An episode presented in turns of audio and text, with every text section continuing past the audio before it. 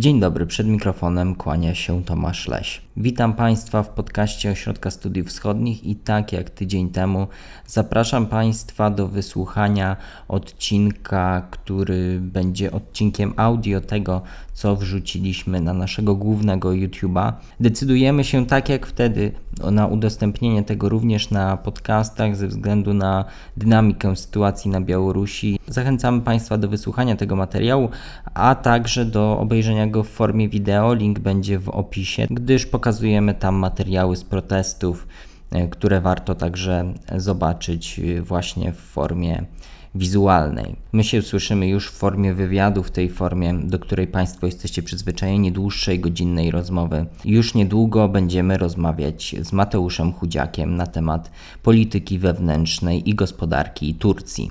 Ale tymczasem zapraszam do słuchania tego materiału. To jest podcast Ośrodka Studiów Wschodnich.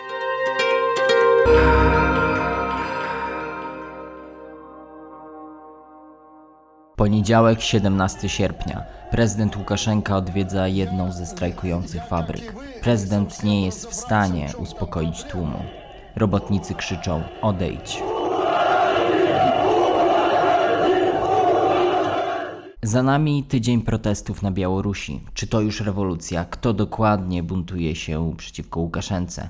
Czy to koniec obecnego reżimu na Białorusi? Na te inne pytania odpowiemy razem z Wojciechem Konończukiem, wicedyrektorem Ośrodka Studiów Wschodnich. W weekend 16 sierpnia odbyły się bezprecedensowe w historii Białorusi manifestacje. Miały one miejsce na terytorium całego kraju. Jednak kluczowym problemem dla władzy są strajki w licznych zakładach przemysłowych. Strajki na Białorusi zaczęły się już w czwartek i właściwie z każdym dniem przybierały na sile. W piątek mieliśmy wiele mińskich zakładów e, grodzieńskich, kilka innych ważnych firm państwowych. Natomiast dzisiaj strajki zaczęły się już nie tylko w zakładach w stolicy, przy tym tych najważniejszych, ale też w kolejnych miastach. Strajkuje m.in. jedna z dwóch rafinerii w Nafta, Nafta Nowopołocku, strajkuje, strajkuje jeden z najważniejszych zakładów białoruskiej gospodarki w ogóle, czyli, czyli zakład w Soligorsku, Białoruskali.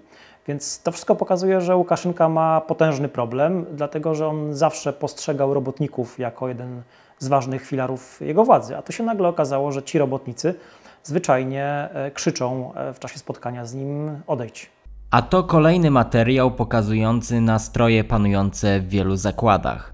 Na przedstawionym filmie widać scenę z zebrania w jednej z fabryk w Grodnie. Osoba prowadząca spotkanie twierdzi, że wybory wygrał Łukaszenka. Wtedy inny robotnik krzyczy: Kto głosował za Tichanowską? Wstańcie! Kolejnym ważnym miejscem, w którym rozpoczęły się strajki, jest państwowa telewizja. Rzeczywiście dzisiaj dziennikarze e, najważniejszych kanałów telewizji państwowej ogłosili strajk. E, nadawanie programu na żywo zostało przerwane. Program leci, ale to są archiwalne materiały. Mamy też strajk rządowej agencji informacyjnej. To wszystko pokazuje, że kolejne grupy, które wydawałoby się powinny być wierne reżimowi, się, się, się buntują. I co więcej, wszystkie te grupy zawodowe mają jeden główny postulat, czyli ustąpienie Aleksandra Łukaszenki. Co ciekawe, po stronie protestujących coraz częściej stają także niektórzy przedstawiciele władzy. E, kilku dyplomatów, m.in. na Słowacji, szef placówki, w Szwajcarii, w Szwecji, również poparło postulaty protestujących. Były minister e, kultury, e, kilku dyrektorów zakładów państwowych. Mimo tych różnych deklaracji, myślę, że to jeszcze nie jest ten etap, abyśmy mogli mówić o tym, że mamy wyraźne pęknięcie w, w obozie władzy tego typu, tego typu buntów jest cały czas zbyt mało, chociaż e, jeśli strajki i protesty się utrzymają, myślę, że to jest kwestia kolejnych dni. Interesującym aspektem jest sam sposób, w jaki Białorusini protestują. Tutaj trzeba zwrócić uwagę, że te protesty, które trwają od kilku dni, one mają pokojowy charakter. Często pojawiają się analogie do Majdanu, one moim zdaniem są jednak e, w dużym stopniu nietrafione.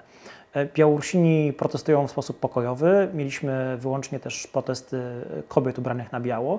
E, Też światło biegły różne nagrania i zdjęcia, które pokazują, że Białorusini po pierwsze zachowują porządek podczas e, demonstracji. Jak wchodzą na ławkę, to zdejmują buty. A w ostatni weekend, w niedzielę, mieliśmy wielki meeting w centrum Mińska, na który przyszło ponad 100 tysięcy osób. I się okazało, że to nawet nie zablokowało ruchu kołowego. Białorusini byli na tyle zorganizowani, że po tym, jak meeting się skończył, pozbierali po sobie śmieci. Na obecne wydarzenia stara się reagować prezydent Łukaszenka. W weekend zwołał on z całego kraju wiec swoich zwolenników. Władze chcąc pokazać, że Aleksander Łukaszenka również może liczyć na poparcie ze strony społeczeństwa, zorganizowały w niedzielę w, w Mińsku e, wiec poparcia dla, dla Łukaszenki właśnie, na który zostali zwiezieni ludzie z różnych części Białorusi, ale też e, liczebność tego wiecu nie zaskoczyła. E, Ona nie była jakąś, e, jakąś, jakimś wielkim, wielkim zwycięstwem reżimu. Przyszło na niego około 5 tysięcy osób. Przy czym jest ciekawe, że telewizja państwa tego wiecu nie, nie, nie, nie pokazywała. Łukaszenka przyjechał na ten wiec i zabrał, zabrał głos, natomiast widać było, że jest bardzo wyraźnie zdenerwowany. On nie tyle mówił, co, co krzyczał. E, Stwierdził, że państwo jest w niebezpieczeństwie, że demonstraci, którzy e, wiecują przeciwko niemu, są, są opłacani nie wiadomo przez kogo. Oczywiście stwierdził też, że to wszystko, co się dzieje w kraju, to jest ingerencja zewnętrzna. Wśród państw, które Łukaszenka od kilku dni oskarża o rzekomą ingerencję w sprawy wewnętrzne, jest też Polska, są, jest Litwa i inne państwa bałtyckie, jest Ukraina, Holandia się pojawiła i Wielka Brytania. Więc tutaj widać, że Łukaszenka nie tyle widzi problem e, w siebie samym, co próbuje, co próbuje zwalać rzekomą odpowiedzialność na, na inne państwa. Więc te jego antypolskie wypowiedzi są, są w ostatnich dniach bardzo wyraźnie słyszalne. W dyskursie pojawia się argument, że prezydent Łukaszenka tak naprawdę broni niezależności Białorusi. Białoruś jest dzisiaj państwem, które jest uzależnione od Rosji w bardzo wielu sferach. Od gospodarki, energetyki, e, wpływów e, w armii białoruskiej, strukturach siłowych, e, elicie władzy, nomenklaturze. To, że e, ta sytuacja wygląda tak, jak wygląda dzisiaj, to jest efekt e, długich rządów Łukaszenki, który nie tyle rozwijał, umacniał tożsamość białoruską, co właśnie uzależniał kraj coraz mocniej od, e, od Rosji. Mimo tego, że on się w ostatnich, e, ostatnim czasie sprzeciwiał pewnym kolejnym planom integracyjnym ze strony Rosji, no to mówienie o tym, że on jest dzisiaj ob- obrońcą niepodległości Białorusi jest zupełnie nieadekwatne. Myślę, że e, potencjalny scenariusz utrzymania się Łukaszenki przy władzy byłby najgorszy i dla samej Białorusi, i dla Polski, i dla Europy, dlatego że on jest nie tylko osłabiony wewnętrznie bardzo mocno, e, mielibyśmy kolejny kryzys w relacjach z Zachodem, więc on byłby jeszcze bardziej niż wcześniej zdany na, e, na wpływy rosyjskie i myślę, że jego możliwość, żeby się kolejnym e, żądaniom rosyjskim dotyczącym bliższej integracji z Rosją sprzeciwiać, byłyby bardzo mocno ograniczone. Pojawia się tutaj pytanie, co dalej? Czy to już koniec reżimu Łukaszenki? To, co widzimy od e, już ponad tygodnia, e, to jest bardzo wyraźny bunt społeczny. Myślę, że on spełnia również kryteria e, rewolucji.